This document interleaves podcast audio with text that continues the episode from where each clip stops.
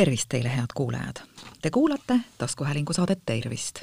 minu nimi on Aive Mõttus, olen selle saate toimetaja. tänase saate teema leidsin samamoodi nagu paljud varasemad, elust enesest. nimelt otsustasin, et üheks minu selle aasta eesmärgiks on süüa tervislikumalt. seepeale pakkus hea sõber lugeda kahte raamatut. esimene neist on Seedimine, toitumine, dieedid, autoriteks Selma Teesalu ja Tiiu Vihalem ning teine Vastuvõtt ilma järjekorrata. seekord autoriks pelgalt Selma Teesalu. Selma Teesalu on meditsiinidoktor ja Tartu Ülikooli emeriitprofessor. mulle kui kunagisele arstiteaduskonna üliõpilasele õpetas ta füsioloogiat. füsioloogia on siis õpetus organismi ja selle elundite talitusest ja funktsioonidest Selma Teesalu keskendus oma uurimistöödes toitumise ja seedesüsteemi uurimisele. selles valdkonnas on temalt aegade jooksul ilmunud väga palju teadustöid, aga ka populaarteaduslikke artikleid ja raamatuid. ning üks neist, nagu ma juba ütlesin, on praegu minu ees laual. selleks on Vastuvõtt ilma järjekorrata ilmunud on raamat kahe tuhande seitsmeteistkümnendal aastal ja selle väljaandjaks on Tervisekirjastus raamat muide on üles ehitatud üsna huvitavalt, küsimus-vastus stiilis. kokku vastab doktor Teesalu raamatus kaheksakümne kaheksale erinevale toitumist ja seedimist puudutavale küsimusele. toon mõned neist äh, siinkohal välja ja loen teile ette. alustan kõige esimesest küsimusest selles raamatus. Äh, miks on mõnikord hommikuti suus halb maitse? See on tingitud sellest, et öösel erituvad süljenäärmete kaudu ja suulimaskesta rakkudest need ained, mida organism ei vaja. see ongi seedesüsteemi omapära, millest väga vähe kõneldakse. rohkem räägitakse ikka sellest, mida seedesüsteemis lõhustatakse ja kuidas lõpp-produktid imenduvad. seedesüsteemis aga toimub veel mõningane jääkainete eritumine selle valendikku. mida siis teha, et suus halba maitset ei oleks hommikuti kohe pärast tõusmist soovut-, soovitab doktor Teesalu suud vähemalt poole klaasi leigeveega loputada ja siis see välja sülitada. pärast seda võib veel pool klaasi leiget vett väikeste lonksudega alla neelata, sest niiviisi loputatakse ära ka seedesüsteemi järgmine osa. eriti tuleks seda õpetada lastele, et selline toiming edaspidi harjumuseks kujuneks meil on kombeks soovitada hommikuti hambaid pesta doktor Teesalu sõnul see halba ei tee, aga enne tuleks läbida eespool kirjeldatud loputus.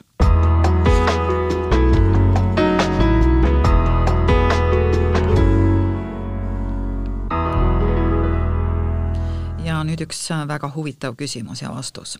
miks kõvaks läinud rukkileib mõnikord kauem suus mäludes magusaks muutub?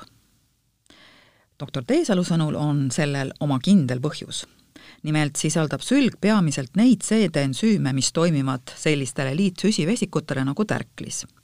meie rukileib sisaldabki peamiselt liitsüsivesikuid, mis süljeensüümide toimel magusa maitsega lihtsuhkruteks lõhustatakse.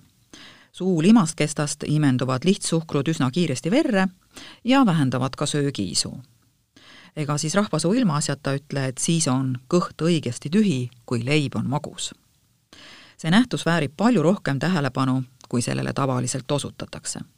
nimelt tasuks meil sagedamini kuubikuteks lõigatud rukkileiba kuivatada ja sellist toodet võiks pakkuda ka poodides. näljatunde tekkimisel sobib leivakuubik suhu pista ning mäluda, kuni magus maitse tuntavaks muutub tavaliselt võtab see aega neli-viis minutit, pärast seda võib leiva alla neelata seedesüsteemi järgmistes osades nõnda võimsalt liitsüsivesikuid lõhustavaid ensüüme ei ole, mistõttu kiiresti söödud leiva seedeprotsess võib isegi puudulikuks jääda. üldlevinud komme süüa rukkileiba niinimetatud võileivana nii head tulemust ei anna. ka laste jaoks võiksid tahked leivakubikud nii kodus kui koolis alati laual olla. nimelt on leib koolilõuna ajal küll viilutatult laual, kuid seda peaaegu ei sööda on täiesti arusaadav, et ähm, leiba ei jõuta toidu kõrvale süüa ja seda ei olegi vaja, kui leiva, kuid leivakuubikud võiksid olla lastele vabalt kättesaadavad. mõni tund peale lõunasööki tunnevad nad isu magusa järele ja just siis on leivakuubik omal kohal. väga hästi sobivad leivakuubikud muide ka reisidele. Neid on lihtne kaasa võtta ja nad annavad organismile rohkemat kui magus kompvekk. Meie rahvuslik rikkus rukkileib annab õigel söömisel nii lihtsuhkruid kui ka B-rühma vitamiine eriline tähtsus on tahkete leivakuubikute söömisel siis, kui on olnud mõni operatsioon seedesüsteemis soolestiku piirkonnas, mille tagajärjel tekib sageli kõhulahtisus. sel juhul on õige leivakuubikud kasutusele võtta niisuguse leiva tarvitamisel imendub suu kaudu palju head ja vajalikku, mille organism kiiresti kätte saab. Internetist on lugeda hoiatusi, et toidus, eriti peenjahus sisalduv tärklis, moodustab soolestikus kliistri, mis blokeerib esmalt kaksteist sõrmiksoole ja siis ka peensoole töö. lõpuks aga ladestub jäme soolde sellist pahandust ei saaks doktor Teesalu sõnul ilmselt juhtuda, kui inimesed leiaksid aega toidusüljega immutamiseks ja põhjalikuks läbimälumiseks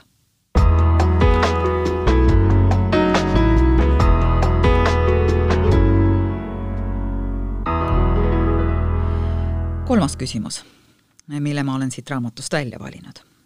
millised on ajule jõudu andvad toidukomponendid? kõneldakse, et koolilaste hulgas esineb palju ülekaalulisi. kas seda põhjustab suhkrurikaste jookide tarbimine?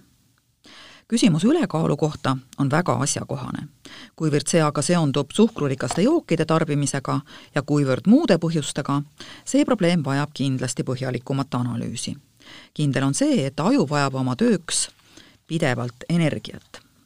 kõige kiiremini saab organism energiat kätte aga suhkrust. kuigi täiskasvanu aju kaalub vaid ligikaudu poolteist kilo, kulutab ta ära kakskümmend viis protsenti kogu, kogu keha tarbitavast energiast.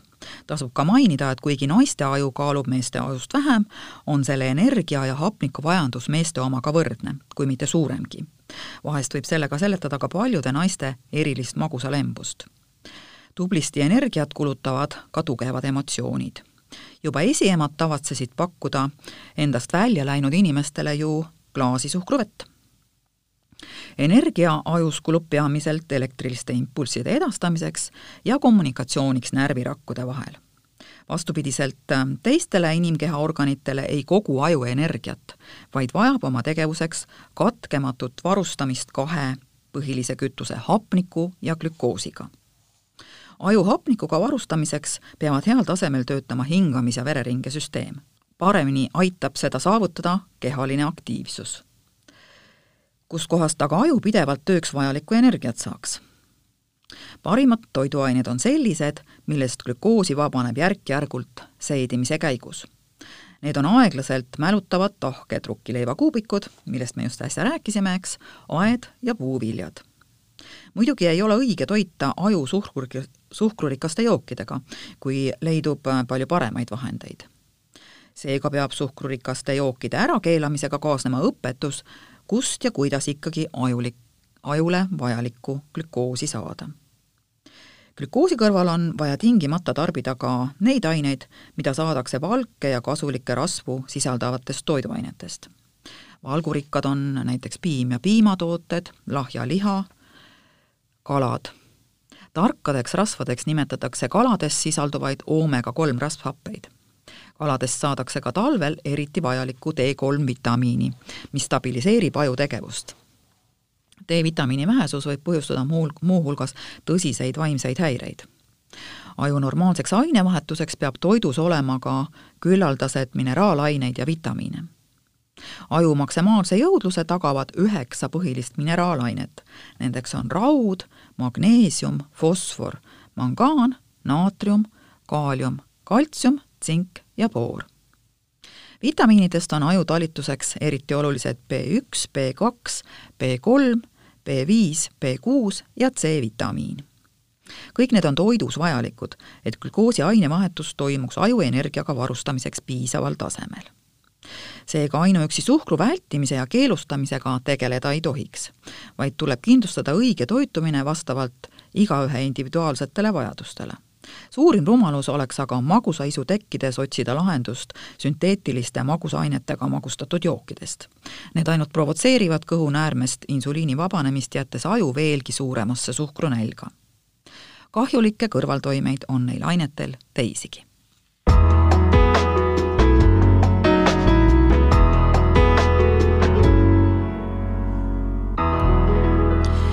viimane, neljas küsimus, mille ma olen siit äh, raamatust teie jaoks välja valinud. missugune on õige süsivesikute kasutamise õpetus? organismi jaoks seisneb põhiline erinevus süsivesikute tüüpide vahel kiiruses, millega need soolestikus seeditakse ning lõpp-produktid vereringesse suunatakse lihtsuhkrud imenduvad ruttu verre, sundides kõhunääred kiiresti ja suurtes kogustes insuliini väljutama. seevastu tärklist ning eriti taimedes leiduvaid kiudaineid seeditakse soolestikus aeglasemalt. suhkur siseneb vereringesse järk-järgult ja kõhunäärmel on vaja selle võrra vähem insuliini eraldada kõrge glükeemilise indeksiga toidu, näiteks maisihelveste söömisel suureneb vereglükoosi sisaldus kiiresti. tekib niinimetatud hüperglükeemia vastuseks sellele eritub kõhunäärmest rohkesti insuliini, et kogu see suhkur keha poolt omastatud saaks. seejuures võib kõhunäärme poolt kõrge veresuhkru alandamiseks järeldatud insi-, insuliini kogus ülemäära suureks osutuda. siis viiakse verest keharakkudesse liiga palju glükoosi ning mõni tund peale sööki langeb veresuhkru tase juba normaalsest madalamale. tekib glükoosi nappus ehk hüpoglükeemia, mis põhjustab taas näljatunde selline olukord ei ole organismile otse loomulikult hea. õige toitumisrütm läheb käest ja inimese töövõime kannatab. kellel nii kipub juhtuma, saab leevendust taas tahketest leivakuubikutest. insuliini ülesandeks on soodustada glükoosis sisalduva energia muundamist rasvaks ja talletamist rasvkoes. kui veresuhkrus suuri kõu-, kõikumisi esineb liiga sageli, kurnab see kõhunääret ning võib põhjustada ka kehakaalu tõusu lisaks eelnevale on viimaks hakatud mõistma ka seost veresuhkru järskude kõikumiste ning ateroskleroosi väljakujunemise vahel. veresuhkru liiga kõrget taset on võimalik vältida, kui muudetakse ebaõigeid toitumisharjumusi. janu kustutuseks tuleks juua puhast vett, mitte suhkruga magustatud karastusjooke. Need ei karasta kedagi ning üksnes suurendavad janut. eriti tuleks vältida magustatud ja gaseeritud karastusjooke paljud viimase aja uurimused näitavad, et sedasorti jookide tarbimine mängib tähtsat rolli ülemaailmse rasvumisepideemia levikus. suurima kahtlusega tuleb suhtuda praegu reklaamitavatesse energiajookidesse. Need on rohke suhkruga magustatud ning sisaldavad veel väga suure annuse kofeiini, no koguni sada milligrammi ühes plekkpurgis. eriti noortele ei sobi need energiajoogid mitte, kuigi just neile neid reklaamitakse erilist tähelepanu tuleks pöörata hommikusöögiks soovitatud helvestele. Need kipuvad sageli sisaldama liiga palju lihtsuhkruid ja vähe kiudaineid. tervislikud hommikuhelbed peaksid sisaldama vähemalt kaks grammi kiudaineid portsjoni kohta. nii et poes helvesteriiuli ju ees seistes tasub pakil olevaid väikeseid kirjasid lugeda vaja on vältida kooritud või poleeritud teraviljast valmistatud tooteid. Kõige levinumad on meil rafineeritud valgest jahust valmistatud tooted. paremad on täisteratooted ja toidus võiks olla ka rohkesti kiudaineid sisaldavaid kaunvilju ning selle küsimuse lõpetuseks tõdeb doktor Selma Teesalu, et palju reklaamitud dieettoite, niinimetatud light-tooteid ei tohiks üldse süüa minu ees laual on siis äh, raamat Vastuvõtt ilma järjekorrata ja selle autor on Tartu Ülikooli emeriitprofessor Selma Teesalu. põnev raamat, soovitan teil lugeda. head kuulajad, te kuulasite taskuhäälingu saadet Tervist. saate leiate Delfi podcastide pesast tasku, nutirakenduste Spotify, Apple Podcasts, SoundCloud ja teised.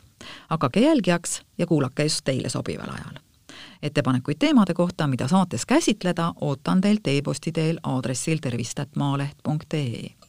minu nimi on Aive Mõttus, olen Maalehe taskuhäälingu saate Tervist toimetaja. tervist teile!